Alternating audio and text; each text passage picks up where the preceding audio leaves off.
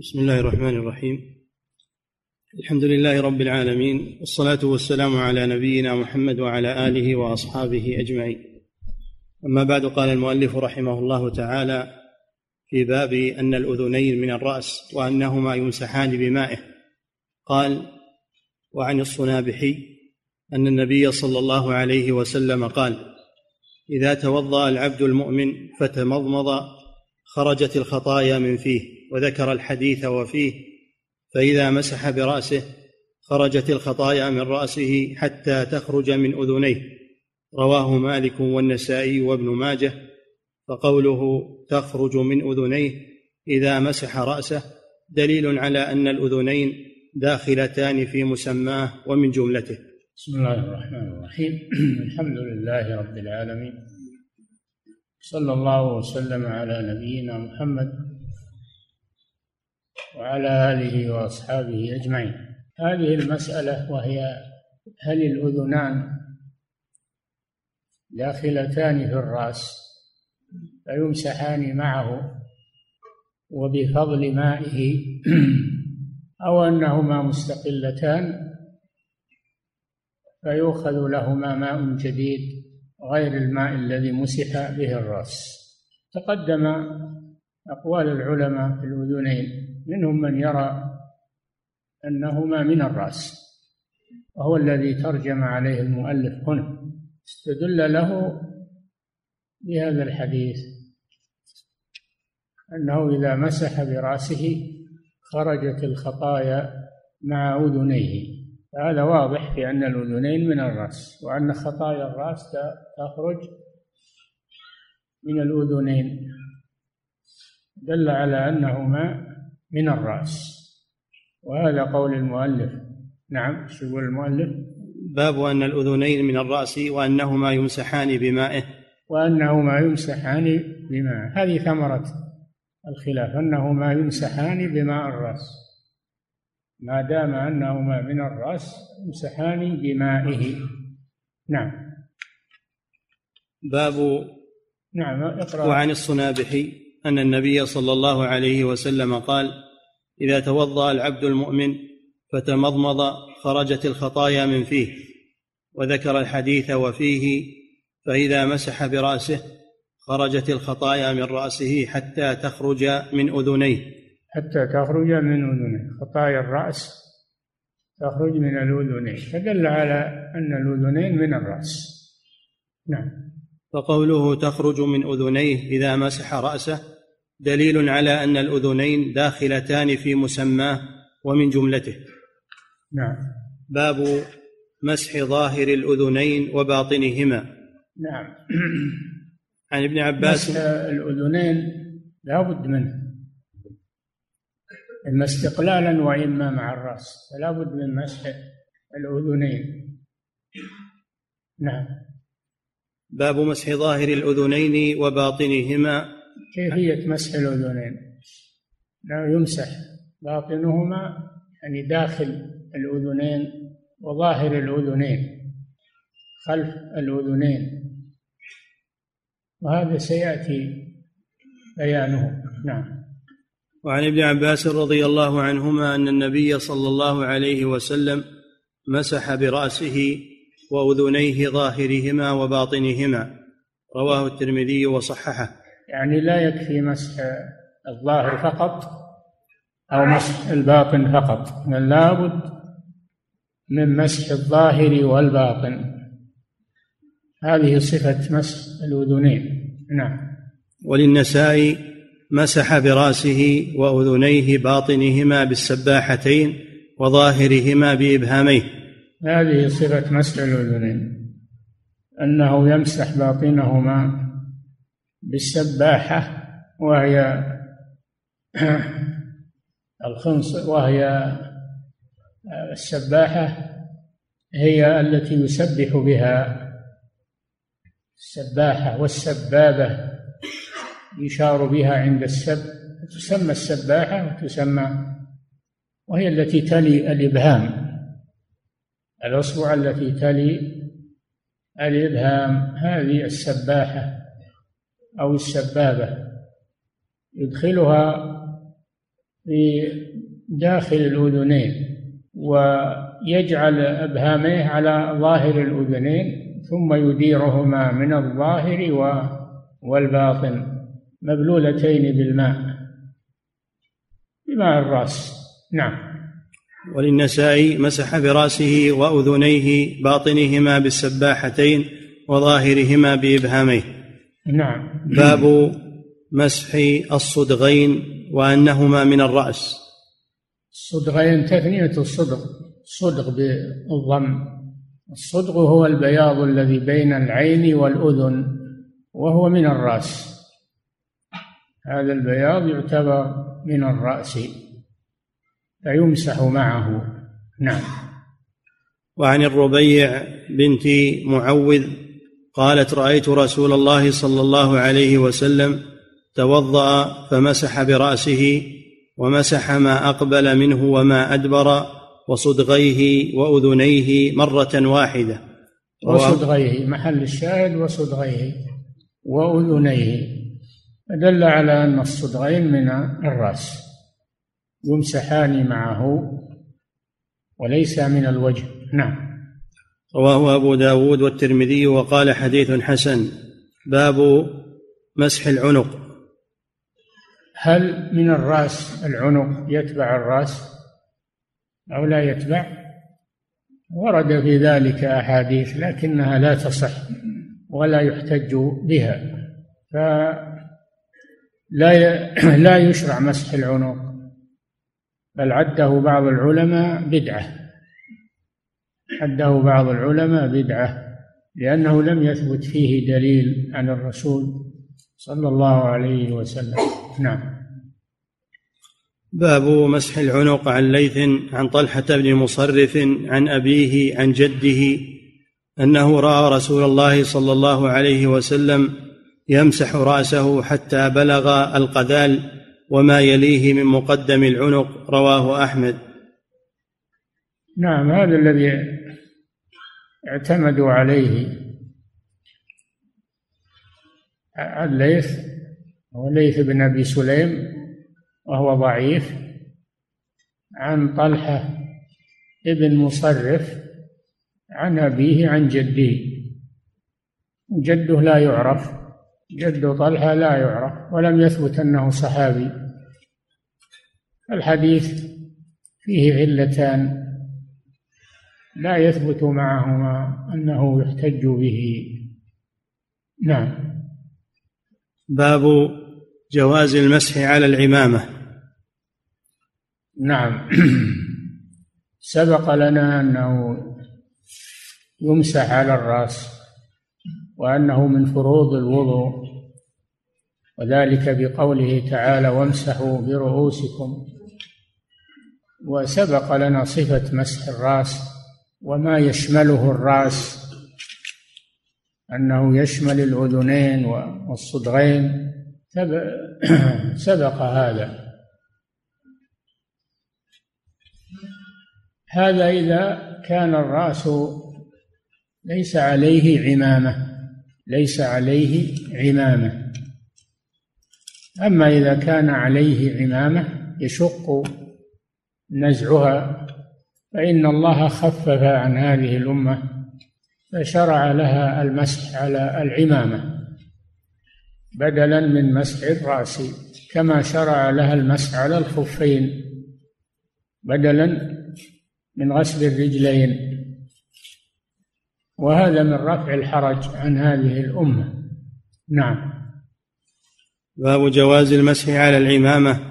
عن عمرو بن أمية الضمري قال قال رأيت رسول الله صلى الله عليه وسلم يمسح على عمامته وخفيه. رواه أحمد والبخاري وابن ماجه. نعم. يمسح على عمامته.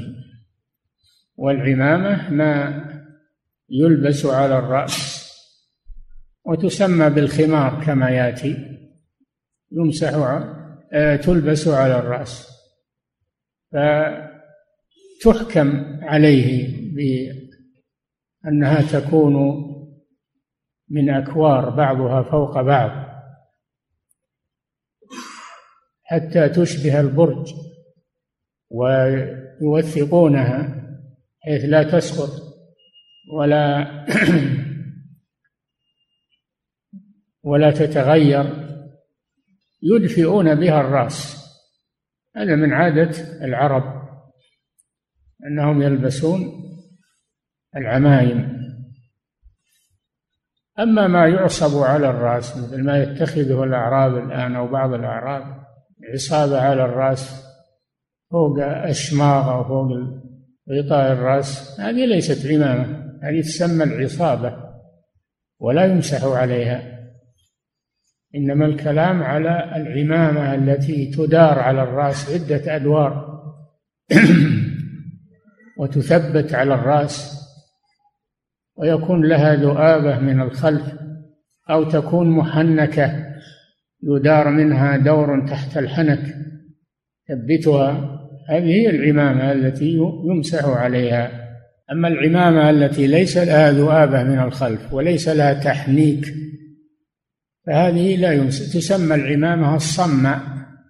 هذه لا يمسح عليها لأنه لا يشق نزعها. فهي مثل الطاقية تقريبا يسمونها الطاقية الآن أو الكوفية تكون على الرأس. هذه لا يشق نزعها. لذلك لا يمسح عليها إنما يمسح على العمامة المحنكة أو ذات الذؤابة من الخلف. هذه التي يمسح عليها. نعم. وعن بلال رضي الله عنه قال أعد الحديث وعن عمرو بن أمية الضمري قال رأيت رسول الله صلى الله عليه وسلم يمسح على عمامته وخفيه. على عمامته. الرسول صلى الله عليه وسلم كان يلبس العمامة. ويلبس الخفين وكذلك الصحابة يمسحون عليهما في الطهارة الصغرى الوضوء فقط. نعم. وعن بلال رضي الله عنه قال مسح رسول الله صلى الله عليه وسلم على الخفين والخمار رواه الجماعة إلا البخاري وأبا داود. الخمار هو العمامة. الخمار هو العمامة. سمى خمارا لأنها تخمر الرأس يعني تغطيه الخمار هو الغطاء. سواء كان الخمار للمرأة أو للرجل ما يغطي به رأسه. فيسمى تسمى العمامة خمارا. نعم. وفي رواية لأحمد أن النبي صلى الله عليه وسلم قال امسحوا على الخفين والخمار. امسحوا هذا أمر من الرسول صلى الله عليه وسلم. هذا أمر من الرسول مع فعله. هو مسح عليه الصلاة والسلام وأمر بذلك. وهذا من باب الرخصة والتسهيل على الناس. والله يحب أن تؤتى رخصه كما يكره أن تؤتى معصيته. وما جعل عليكم في الدين من حرج نعم. وعن المغيرة بن شعبة رضي الله عنه قال توضأ رسول الله صلى الله عليه وسلم ومسح على الخفين والعمامة. رواه الترمذي وصححه. نعم وكذلك مسح على الخفين والعمامة. فهذان الحائلان يمسح عليهما بدلا عن غسل ما تحتهما وذلك لأجل رفع المشقة عن المسلم. نعم. وعن سلمان رضي الله عنه أنه رأى رجلا قد أحدث وهو يريد أن يخلع خفيه فأمره سلمان أن يمسح على خفيه وعلى عمامته وقال رأيت رسول الله صلى الله عليه وسلم يمسح على خفيه وخماره. نعم تواترت الأحاديث في هذا المسح على الخفين وعلى العمامة. فلا ينكر المسح على الخفين إلا الرافضة. وهم فرقة ضالة لا يؤخذ بخلافها ولا بقولها.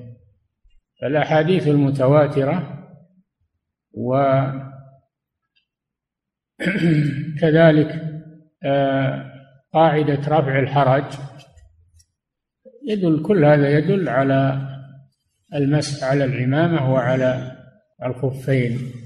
وسيأتي الكلام على قضية الرافضة وما يرونه في أن الرجلين يمسح عليهما. هذا من العجائب. الرجلين يمسح عليهما ولا يمسح على الخفين. نعم. وعن ثوبان رضي الله عنه قال رأيت رسول الله صلى الله عليه وسلم توضأ ومسح على الخفين والخمار. رواهما أحمد. كل هذه أحاديث واضحة تدل على ثبوت على ثبوت المسح على الخفين وعلى العمامة. وهي وهي متواترة. وإجماع الصحابة. فالمسح على الخفين وعلى العمامة ثابت بالأحاديث المتواترة وبالإجماع من الأمة على ذلك. ولذلك يذكره بعض العلماء في كتب العقائد مع أنها مسألة فقهية. مسألة الخفين مسألة فقهية. ومع هذا يذكرونها في العقائد لأنه لا ينكرها إلا المبتدعة. أما أهل السنة فيرون ذلك ولا ينكرونه. فذكرها في العقائد لأجل الرد على المبتدعة الذين لا يعملون بالسنة ويخالفونه. نعم. وعن ثوبان رضي الله عنه قال بعث رسول الله صلى الله عليه وسلم سرية فأصابهم البرد فلما قدموا على النبي صلى الله عليه وسلم شكوا إليه ما أصابهم من البرد فأمرهم أن يمسحوا على العصائب والتساخين رواه أحمد وأبو داود والعصائب العمائم والتساخين الخفاف. نعم هذا كما سبق. هذا كما سبق. وفيه بيان الحكمة في أن نزع العمامة ونزع الخفين في وقت البرد فيه مشقة. الله جل وعلا سهل على المسلم في أنه يمسح عليهما بدلا من غسل الرجلين ومسح الرأس مباشرة. إذا العمامة تسمى العمامة وتسمى الخمار وتسمى العصابة لأنها تحيط بالرأس. العمامة تسمى عصابة والعصابة لا تسمى عمامة. نعم. أعيد الحديث.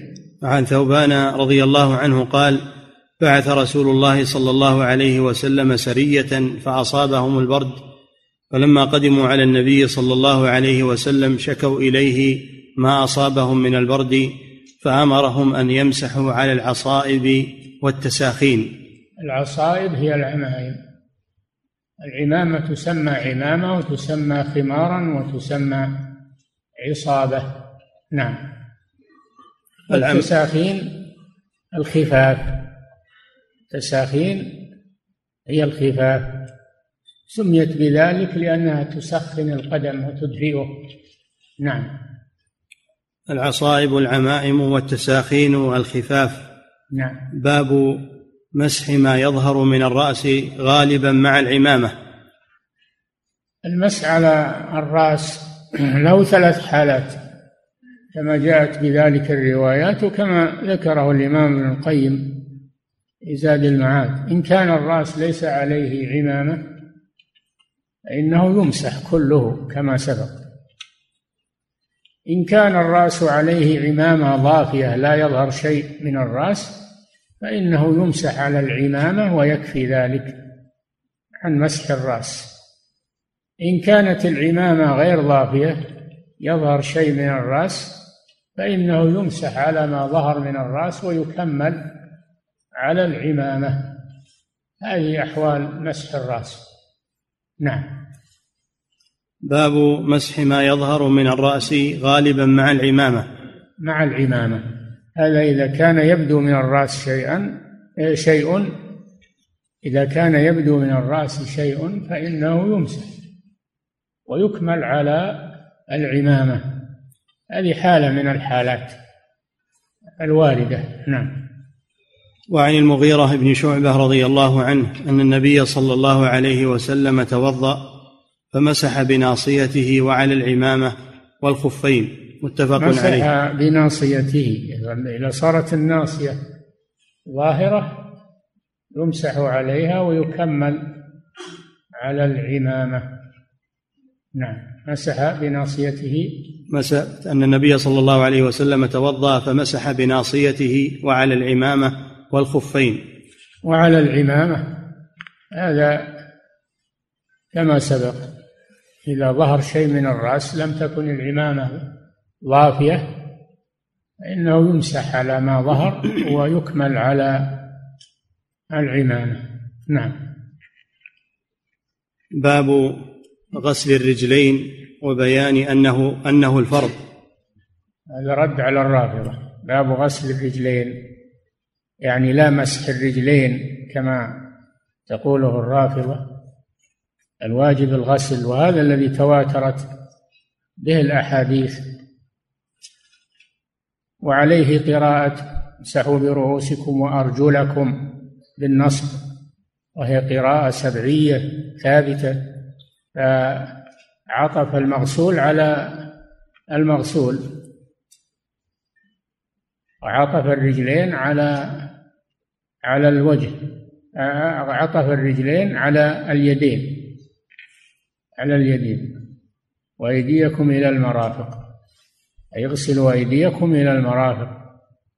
ثم قال وامسحوا برؤوسكم وأرجلكم. أرجلكم منصوب عطف على إيش؟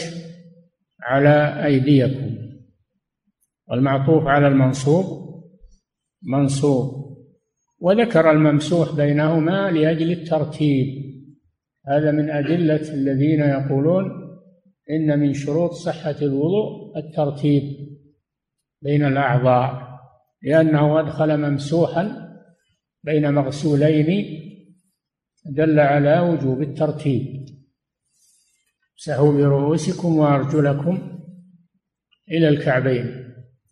القراءة أرجلكم هذه حجة لأهل السنة لأنه عطف المغسول على المغسول وأخذ حكمه. كذلك الأحاديث من فعل الرسول صلى الله عليه وسلم. الرسول فعله مبين للقرآن ومفسر للقرآن ولم يثبت عنه أنه اكتفى بمسح الرجلين مكشوفتين إنما مسح عليهما بالخفين ولم يمسح على الرجلين مكشوفتين. هذا لم يثبت عنه في حديث بل الثابت عنه أنه كان يغسل رجليه عليه الصلاة والسلام. نعم. باب وأما قراءة وأرجلكم بالجر هذا اللي احتج بها الشيعة لأن فيه قراءة سعوا برؤوسكم وأرجلكم إلى الكعبين احتجوا بها على المسح قالوا إنه عطف ممسوحا على ممسوح. والجواب عن هذا أن قراءة وأرجلكم مفسرة أن المراد بالمسح هنا الغسل يطلق المسح على الغسل. يقال تمسح فلان إذا توضأ. قراءة الفتح والنصب مفسرة لقراءة الجر. وأيضا قالوا هذا وأرجلكم هذا من باب المجاورة وهذا في لغة العرب. في لغة العرب آه، أنه يعرب المجاور إعراب مجاوره. مثل ما قالوا هذا جحر ضب خرب جحر ضب خرب. خرب وش وصف له للضب؟ ها؟ الجحر إي نعم. جحر ضب خرب. فكان المعروف أن يقول هذا جحر ضب خرب ولا لا؟ لكنه جره لأجل المجاورة مجاورة المجرور. إذا القراءة وأرجلكم هذا لأجل المجاورة فقط وهو وجه من الإعراب معروف عند العرب. والثابت في الرجلين الغسل. إلا إذا كان عليهما آه، خفاف فإنهما يمسحان. فلا مأخذ للشيعة ولله الحمد. لا من السنة ولا من القرآن على مسح الرجلين. نعم. والكعبين المراد بالكعبين عند أهل السنة العظمان الناتئان في أسفل الساق. عند الشيعة الكعبان معقد الشراك مفصل الكعب مفصل القدم من الكعب تحت معقد الشراك هذا الكعب عند الشيعة. وليس هو المراد في الآية. مراد بالكعبين ما كان أسفل يعني مفصل الساق من الرجل. العظم الناتي هذا هو الكعب عند أهل السنة. نعم. باب غسل الرجلين وبيان أنه الفرض. وبيان أنه الفرض ردا على الشيعة. نعم. عن عبد الله بن عمرو رضي الله عنه رضي الله عنهما قال تخلف عنا رسول الله صلى الله عليه وسلم في سفرة في سفرة فأدركنا وقد أرهقنا العصر. فجعل وقد أرهقنا العصر يعني قاربنا دخول العصر. نعم. فأدركنا وقد أرهقنا العصر فجعلنا نتوضأ ونمسح على أرجلنا. يعني من العجلة من العجلة يمسحون على أرجلهم. فأنكر عليهم النبي صلى الله عليه وسلم وأمر بغسل الرجلين. هذا دليل على أن فرض الرجلين الغسل إذا كانتا مكشوفتين. نعم. فجعلنا نتوضأ ونمسح على أرجلنا. قال فنادى بأعلى صوته ويل للأعقاب من النار. مرتين أو ثلاثا متفق عليه. نمسح أرجلنا. أنكر عليهم النبي صلى الله عليه وسلم المسح.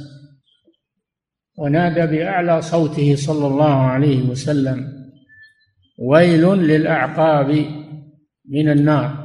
وفي رواية ويل للأعقاب وبطون الأقدام. من النار كما يأتي. دل على أن الواجب غسل الرجلين. جميع الرجل تغسل العقب والقدم وباطن القدم كله يغسل. وأن من مسح ينكر عليه كما أنكر ذلك النبي صلى الله عليه وسلم. وأن من اكتفى بالمسح فهو متوعد بالنار والعياذ بالله. نعم. أرهقنا العصر أخرناها ويروى أرهقتنا العصر بمعنى دنا وقتها. إي نعم. اما أرهقنا العصر بالفتح يعني أخرناها عن أول وقتها. أو العكس أرهقنا العصر يعني كاد أن يدخل وقت العصر. نعم. وعن أبي هريرة رضي الله عنه أن النبي صلى الله عليه وسلم رأى رجلا لم يغسل عقبه فقال ويل للأعقاب من النار. رواه مسلم. نعم. رواه مسلم. ويل للأعقاب من النار. بسبب أن هذا الرجل لم يغسل عقبه. أنكر عليه النبي صلى الله عليه وسلم فدل على وجوب غسل الرجلين. جميع ما يسمى بالرجل فإنه يغسل. نعم. وعن جابر والويل عذاب كلمة عذاب. جاءت في القرآن كثيرا ويل قيل كلمة عذاب ووعيد وقيل هي واد في جهنم. لو سيرت به الجبال لذابت من شدة حره والعياذ بالله. هذه كلمة ويل. وعيد من الله عز وجل.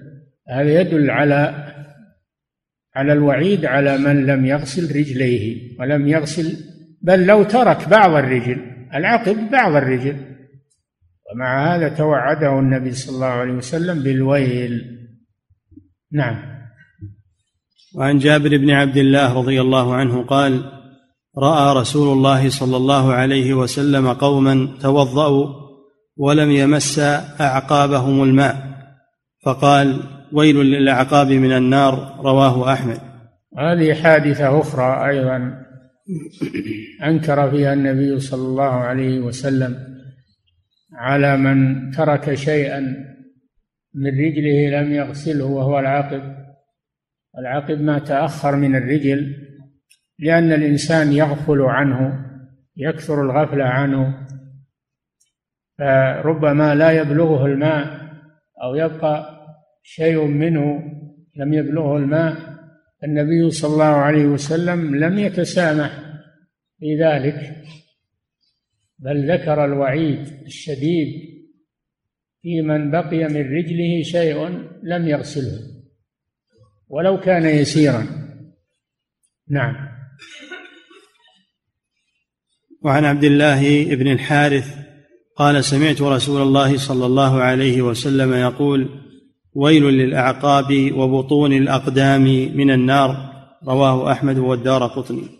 لماذا خص الأعقاب وبطون الأقدام؟ لأنها يكثر الغفله عنها تحتاج إلى انتباه تحتاج إلى الانتباه عند غسل الرجل لأنها يكثر الغفلة عنها وقد لا يتأكد الإنسان من وصول الماء إليها فيبقى شيء منها لم يصبه الماء. الأحاديث تكررت بالوعيد على من لم يغسل عقبيه وفي هذا زيادة بطون القدمين أيضا. فيجب على المسلم أن يتعاهد رجله باطنا وظاهرا وأمام وخلف حتى يبلغها بالماء ويسبغ الماء عليها.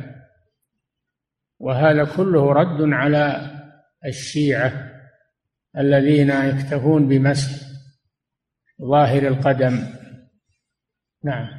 وعن جرير بن حازم عن قتادة عن أنس رضي الله عنه أن رجلا جاء إلى النبي صلى الله عليه وسلم وقد توضأ وترك على ظهر قدميه مثل موضع الظفر.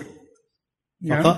فقال له رسول الله صلى الله عليه وسلم وترك على ظهر قدميه مثل موضع الظفر. يعني يسير موضع الظفر يسير. لم يصبه الماء. فالنبي صلى الله عليه وسلم أمره أن يحسن وضوءه.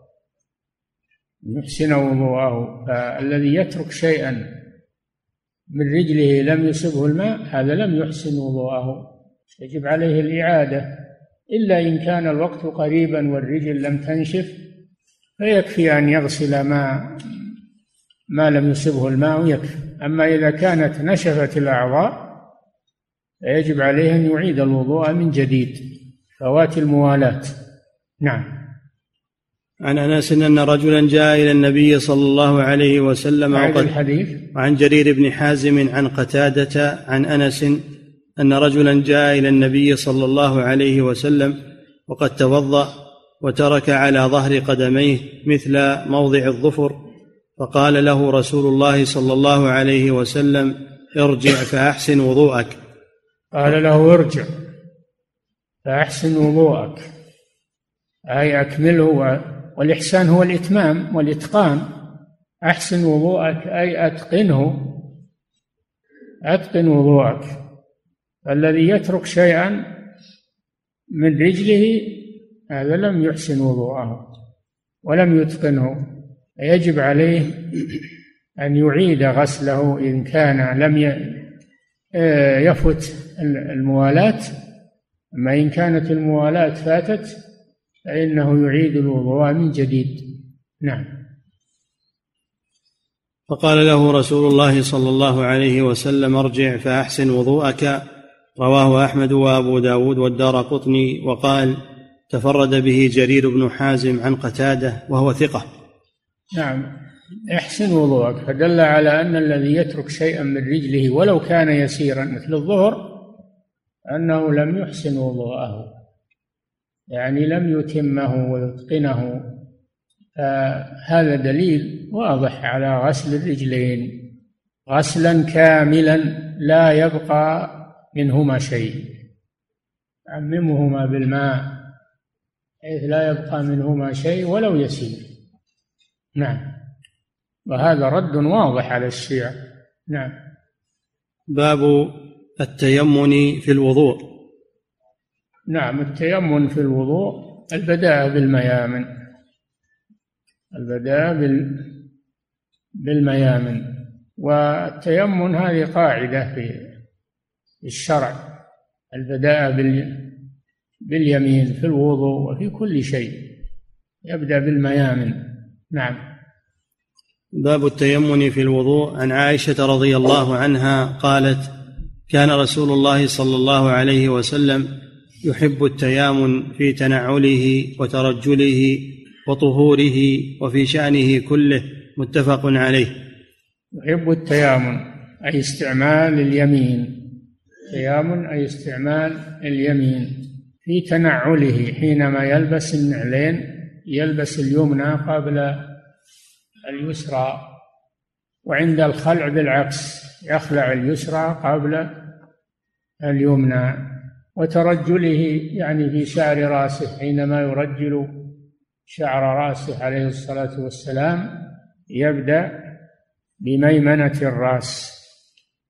وفي طهوره يعني الوضوء والإغتسال يبدأ بالأعضاء اليمنى فيغسل اليمنى قبل يغسل اليد اليمنى قبل اليسرى ويغسل الرجل اليمنى قبل اليسرى. هذا معنى في طهوره يبدأ باليمين. وهذا السنة لو بدأ باليسرى صح وضوءه. لكن يكون فيه نقص العمل بالسنة النبوية. فالبداء بالميامن في الوضوء والاغتسال هذا سنة وليس بواجب يعني مستحب. نعم.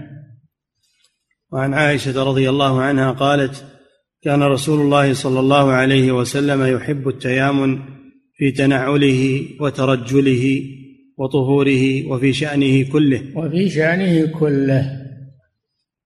والقاعدة أن ما كان من شأنه الطيب والتجمل فيبدأ باليمين. وما كان من شأنه النظافة وإزالة الأذى فيؤخذ باليسار باليد اليسرى. نعم. اليمنى تستعمل للأخذ والإعطاء والسلام والأكل والشرب والطهارة وغير ذلك. كل ما من شأنه الطيب والتجمل. نعم. واليسرى تستعمل لعكس ذلك إزالة الأذى وغسل النجاسة وغير ذلك. نعم. كان رسول الله صلى الله عليه وسلم يحب التيامن في تنعله وكلمة كان تفيد الاستمرار. أنه صلى الله عليه وسلم كان مستمرا على هذا. نعم. كان رسول الله صلى الله عليه وسلم يحب التيامن في تنعله وترجله وطهوره وفي شأنه كله متفق عليه.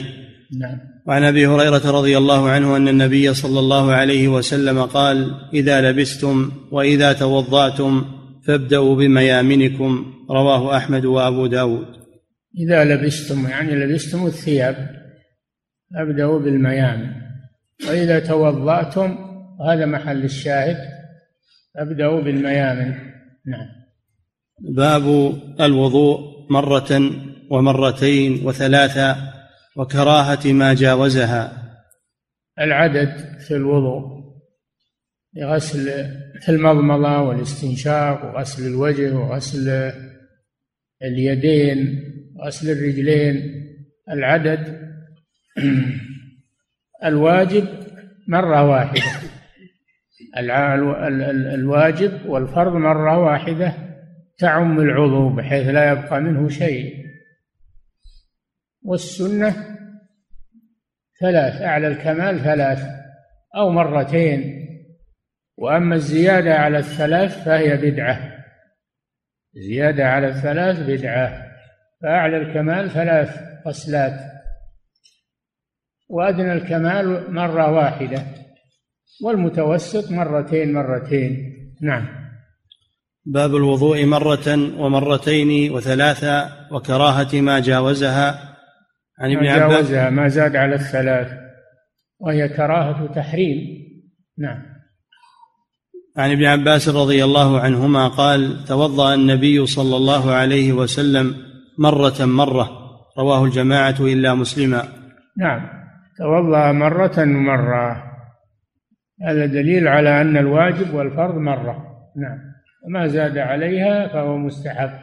نعم. وعن عبد الله بن زيد رضي الله عنه أن النبي صلى الله عليه وسلم توضأ مرتين مرتين. رواه نعم. أحمد والبخاري. وهذا أيضا وجه آخر وهو الوضوء مرتين مرتين غسل الوجه مرتين غسل اليدين غسل الرجلين مرتين مرتين. هذا سنة. نعم. وعن عثمان رضي الله عنه أن النبي صلى الله عليه وسلم توضأ ثلاثا ثلاثا. رواه أحمد ومسلم.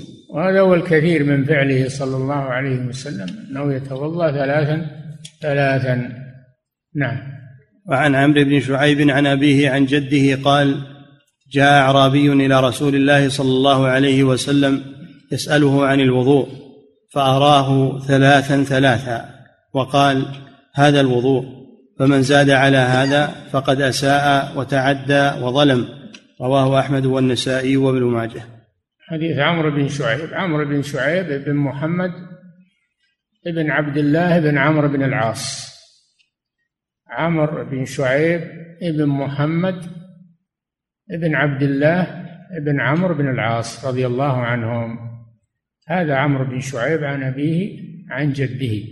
نعم. أن أعرابيا؟ نعم. قال جاء أعرابي إلى رسول الله صلى الله عليه وسلم يسأله عن الوضوء فأراه ثلاثا ثلاثا وقال هذا الوضوء فمن زاد على هذا فقد أساء وتعدى وظلم. هذا فيه سؤال أهل العلم عما أشكل من أمور الدين. هذا الأعرابي جاء يسأل النبي صلى الله عليه وسلم قال تعالى فاسألوا أهل الذكر إن كنتم لا تعلمون. والأعرابي واحد الأعراب هم ساكن البادية خلاف الحاضرة. ساكن الحاضرة لا يقال له أعرابي. نعم. يسأل النبي صلى الله عليه وسلم عن الوضوء أي كيفية الوضوء. بين له صلى الله عليه وسلم أن الوضوء مرة مرة اثنتين وثلاثا ومن تعدى فقد أساء وظلم. دل على تحريم الزيادة على الثلاث كما يفعله آه، الغلاة والمتنطعون المتشددون. فالواجب الاقتصار على السنة لا يزاد عليها. بحجة هذا أكمل وأحسن. نعم. أعد الحديث. عن عمرو بن شعيب عن أبيه عن جده قال جاء أعرابي إلى رسول الله صلى الله عليه وسلم يسأله عن الوضوء. نعم. فأراه ثلاثا ثلاثا. نعم. وقال هذا الوضوء. فمن زاد على هذا فقد أساء وتعدى وظلم. توضأ ثلاثا ثلاثا. هذا أكمل صفات الوضوء. ثلاثا ثلاثا في الوجه وفي اليدين وفي الرجلين. فمن زاد على هذا فقد نعم. يقول فمن زاد على هذا فقد أساء وتعدى وظلم. أساء وتعدى وظلم. ثلاث عبارات كلها تدل على تحريم الزيادة.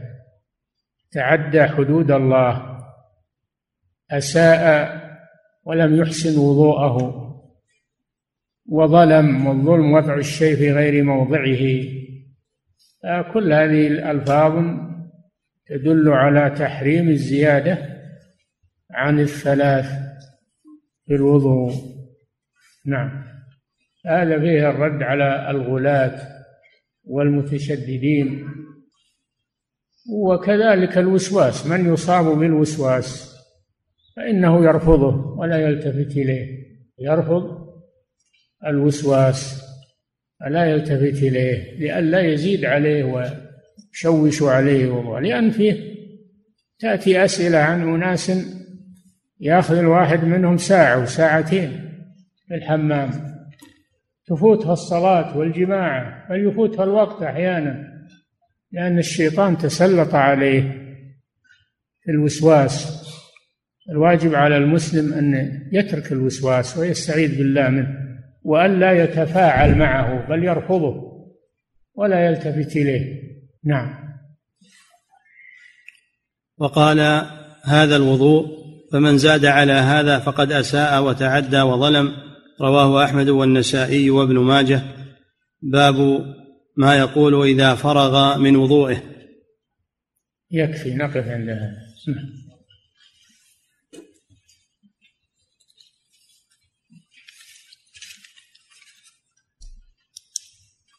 يقول فضيلة الشيخ وفقكم الله يقول هل يصح أن أمسح ما بين تجاعيد الأذن من الداخل عندما أمسحه على الأذن أم لا؟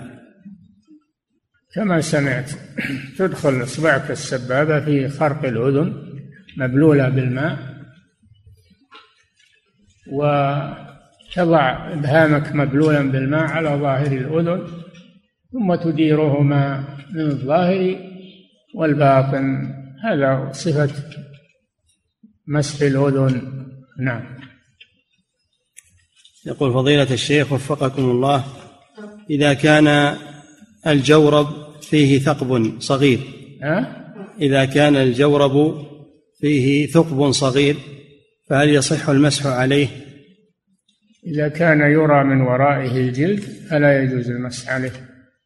أما إذا كان لا يرى من ورائه شيء فلا مانع لأن معنى شيء يصير مصمت مرة ولا يصير فيه أحيانا لكن اللي ما يظهر شيء من الجلد هذا لا لا لا يؤثر على المسح نعم. يقول فضيلة الشيخ وفقكم الله ورد في الحديث حديث طلحة بن مصرف عن أبيه عن جده أنه رأى رسول الله صلى الله عليه وسلم يمسح رأسه حتى بلغ القذال. ما معنى القذال؟ مؤخر القذال أسفل الرأس بداية الرقبة بداية الرقبة من الخلف. نعم.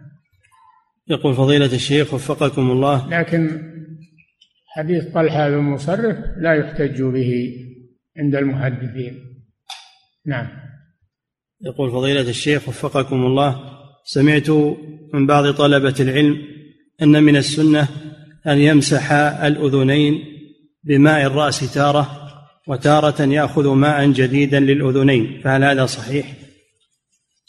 أما مر بنا في الأحاديث شيء من هذا؟ نعم. بلى. أعده. السائل.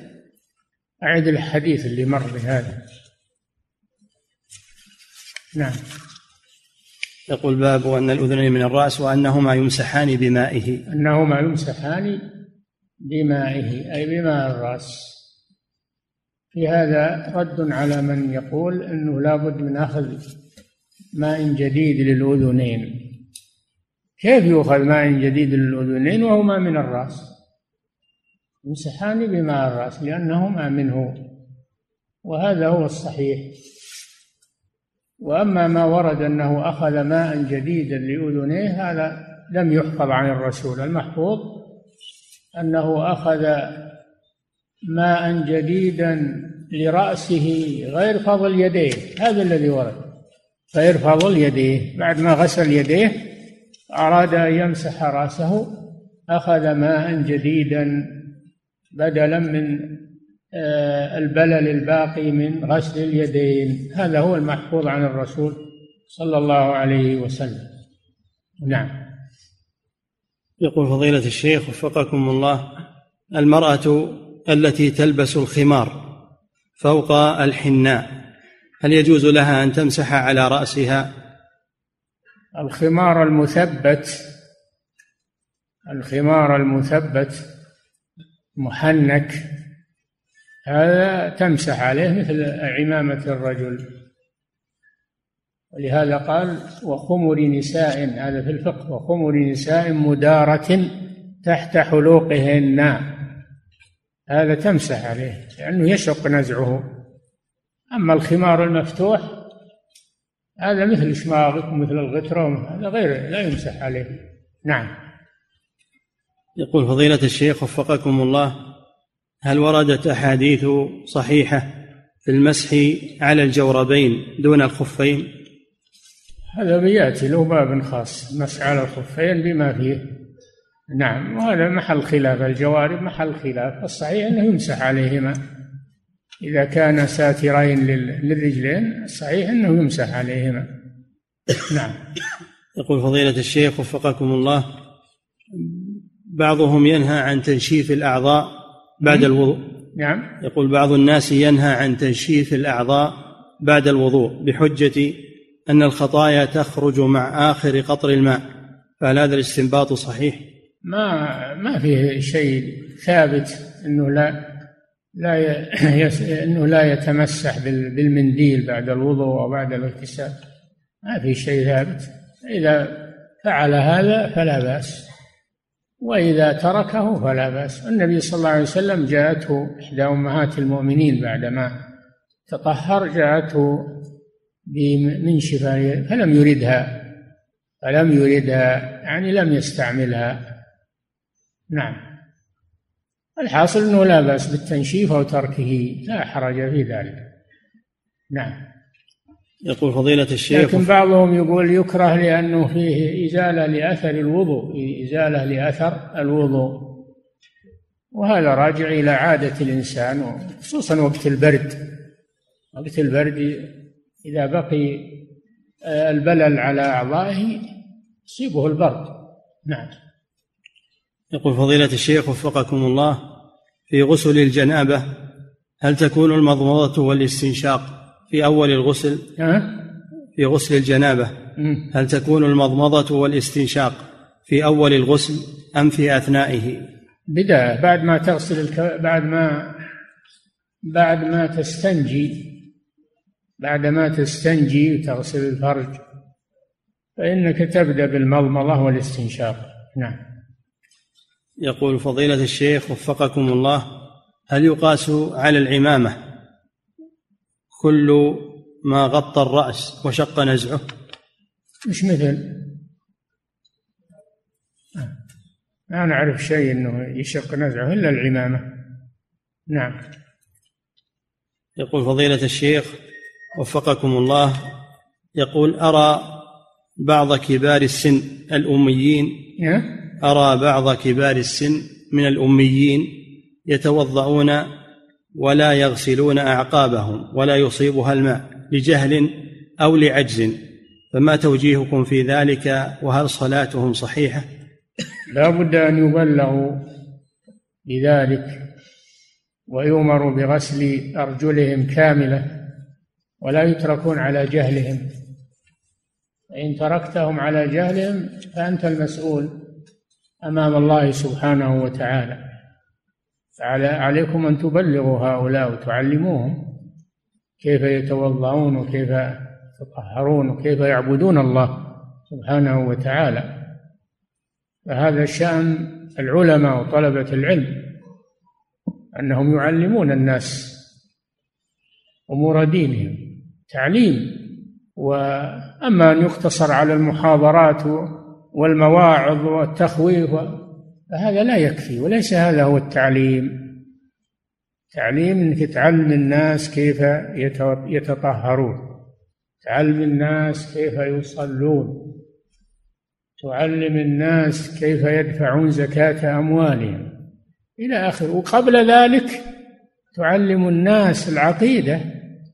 تحذرهم من الشرك وتبين لهم. أما مجرد أنك تقف ساعة أو نصف ساعة وتكلم بالوعظ والتذكير هذا ما يفيدهم من ناحية عباداتهم.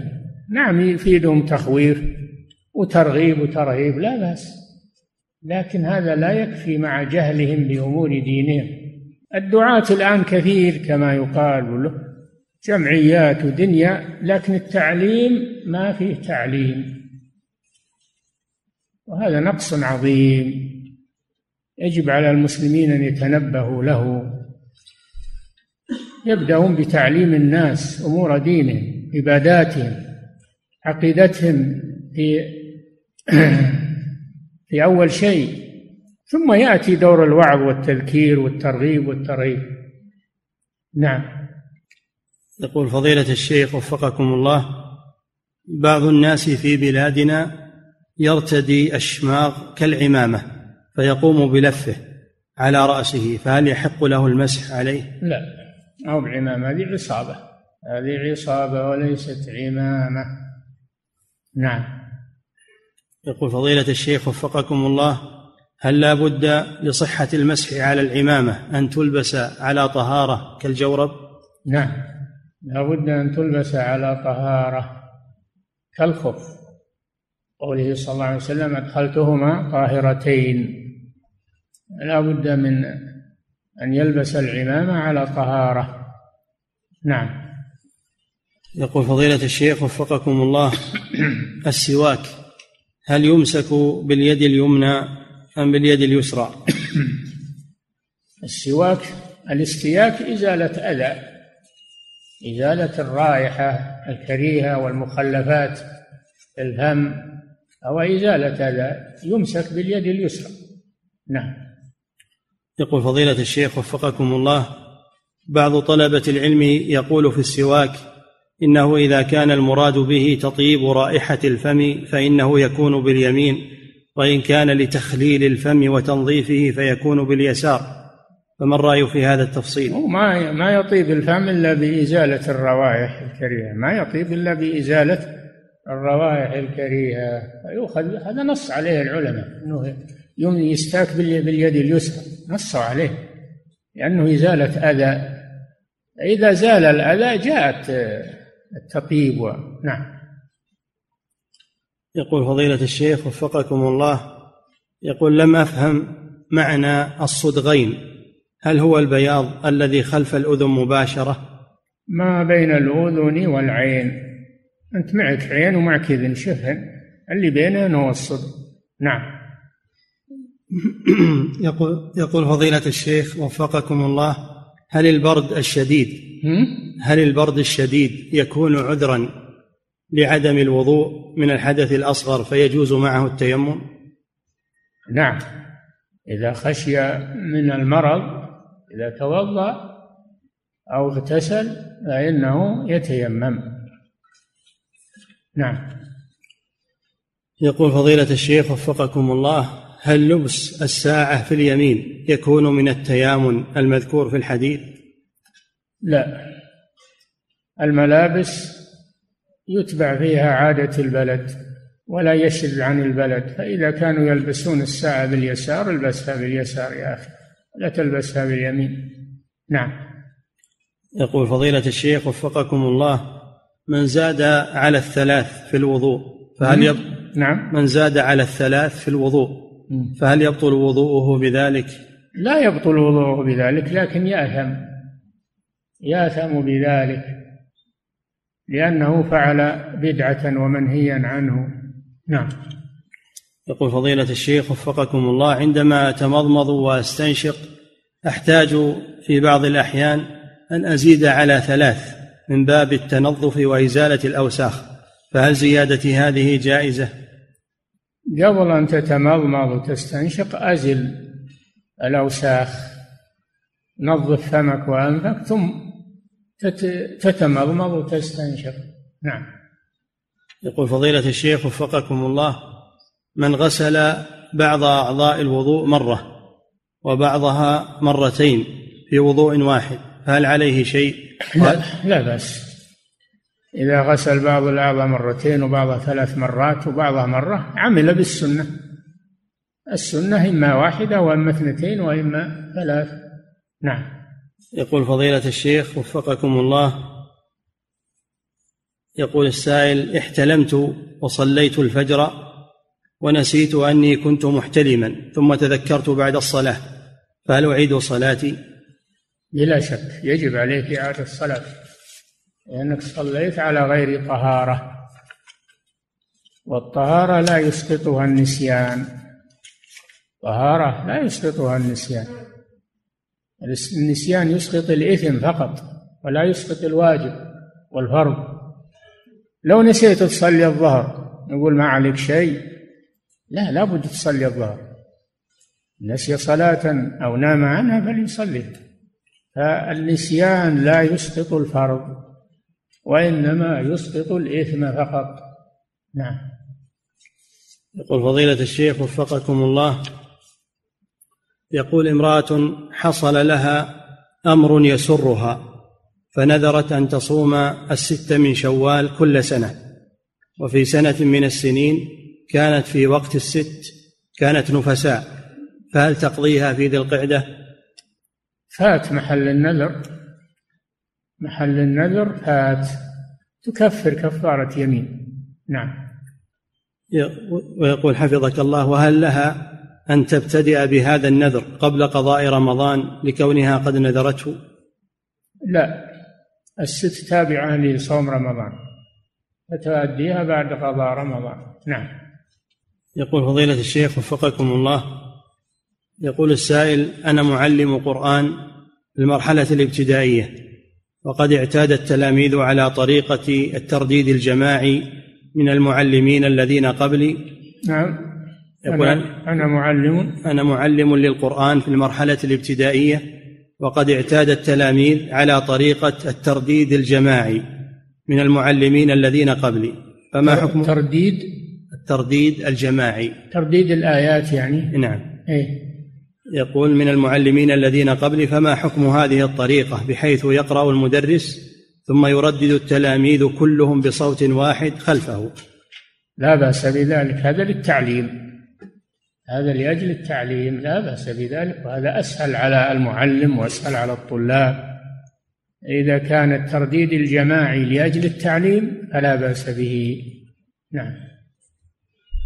يقول فضيلة الشيخ وفقكم الله يقول سمعنا من يفتي ببدعية الاجتماع لصلاة التهجد في رمضان بعد الاجتماع لصلاة التراويح في العشر الأواخر بحجة أن النبي صلى الله عليه وسلم وأصحابه لم يجتمعوا مرتين في ليلة واحدة. من قال له هذا؟ منين جاب هذا؟ أنهم لم يجتمعوا. بل كانوا يجتمعون يصلون ويعلقون الحبال بالسواري من طول القيام خلف الإمام. ولا ينصرفون إلا عند الفلاح يعني عند عند السحور. من قال أنهم ما يجتمعون بالمساجد؟ هذا جاهل ما يدري. أو عجاز ما هو مصلي كان الليل ويبي له عذر. نعم. يقول فضيلة الشيخ وفقكم الله امرأة توفي عنها زوجها. نعم. ودخلت في عدة الوفاة. امرأة؟ امرأة توفي عنها زوجها فدخلت في عدة الوفاة وحيث إنها تسكن في بيت وابنها في بيت آخر لكن يجمعهما حوش واحد وهي قريبة من البعض من بعضها البعض. سؤالها هل يجوز لها أن تخرج من بيتها إلى بيت ابنها؟ لا بس ما دام متجاورين بينهما حوش يجتمعون فيه ما في بس نعم هذا بمثابة البيت الواحد. نعم. يقول فضيلة الشيخ وفقكم الله يوجد بعض المكاتب العقارية تأخذ من المواطن خمسمائة ريال. نعم. يوجد بعض المكاتب العقارية تأخذ من المواطن خمسمائة ريال. ليش خمسو؟ تأخذ من المواطن خمسمائة ريال نعم. مقابل الحصول على أرض مؤقتة من الصندوق العقاري. هذا كله احتيال وكذب. ولا يجوز. البنك العقاري يشترط أن يكون له أرض يملكها ويريد أن يبني عليها. فلا يجوز له أنه يحتال ويأخذ أرضا عارية باسمه كذب أو يعمل حيل. هذا كله ما يجوز. نعم. يقول فضيلة الشيخ وفقكم الله نقل عن فضيلتكم عدم جواز الوضوء من برادات الماء التي توضع بجوار المسجد. فهل هذا النقل الماء الوقف للشرب لا تستعمله في الوضوء. هذا وقف للشرب لا تستعمله في الوضوء. عندك دورات المياه والحمامات. لماذا تأخذ من الماء البارد اللي يشربه الناس؟ نعم. وفي بقية سؤاله يقول حفظك الله وإذا دخل وقت الصلاة فلم أجد ماء في دورات المياه التابعة للمسجد. هذه. حالة عذر ما في بأس. إذا لم تجد ماء خذ من البرادات. أما إذا وجدت الماء دورات المياه مفتوحة متوفر الماء فيها ليس لك عذر أنك تنفذ ماء الشرب في غير ما وضع له. نعم. يقول فضيلة الشيخ وفقكم الله في إحدى الدول خارج هذه الدولة يقوم مجموعة من المسلمين ببناء مسجد. فقدم شخص هندوسي فتبرع, فتبرع بمكبرات الصوت والسماعات لهذا المسجد. السؤال هل يقبل منه هذا التبرع؟ ما في بس ما دام مال حلال فإنه يجوز قبوله ولو من كافر. يستعمل في المسجد لأنه مال حلال. نعم. قد طابت به نفسه. نعم.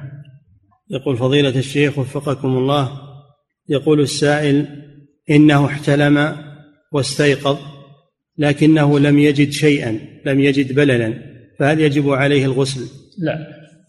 قال صلى الله عليه وسلم الماء من الماء أي ماء الاغتسال يكون من ماء الاحتلام.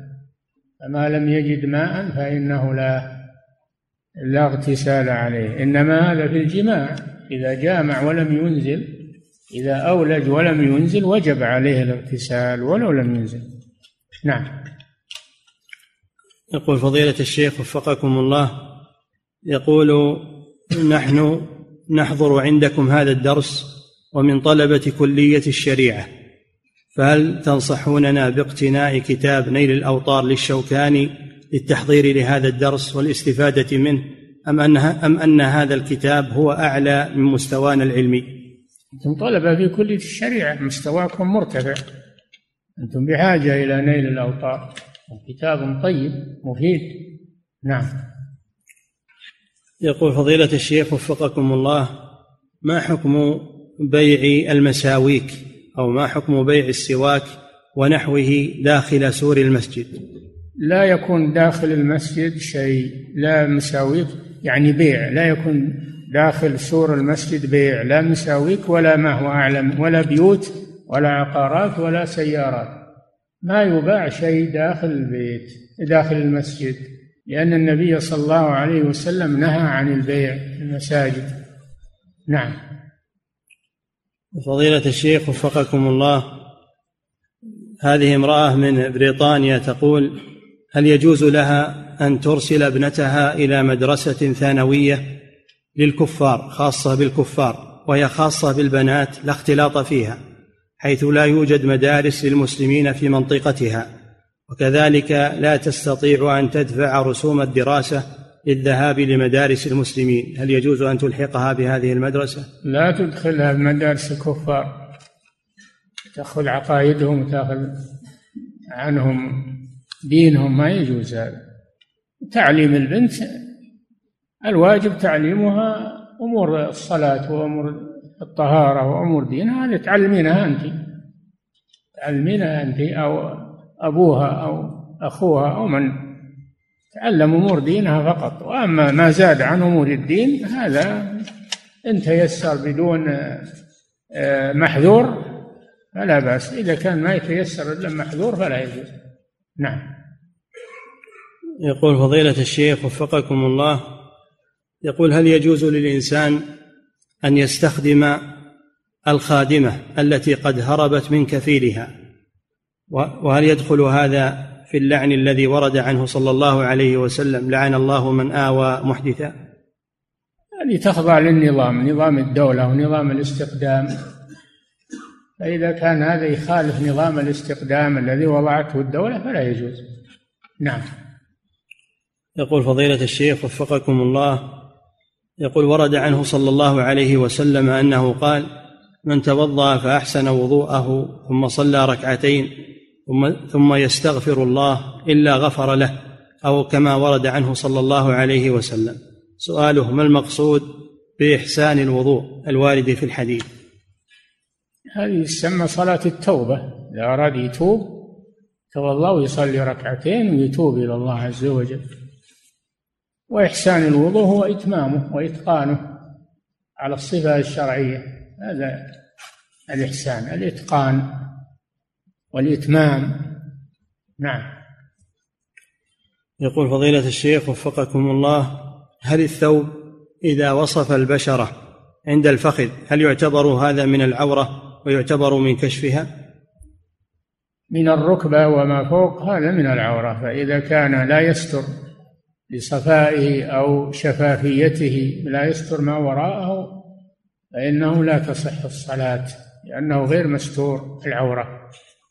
عورة الرجل ما بين السرة إلى الركبة. نعم. يقول فضيلة الشيخ وفقكم الله هل ورد أنه بعد الوضوء هناك موطن لإجابة الدعاء؟ لا أعلم شيء من هذا. نعم. يقول فضيلة الشيخ وفقكم الله هل يجب مسح الأذنين لمن مسح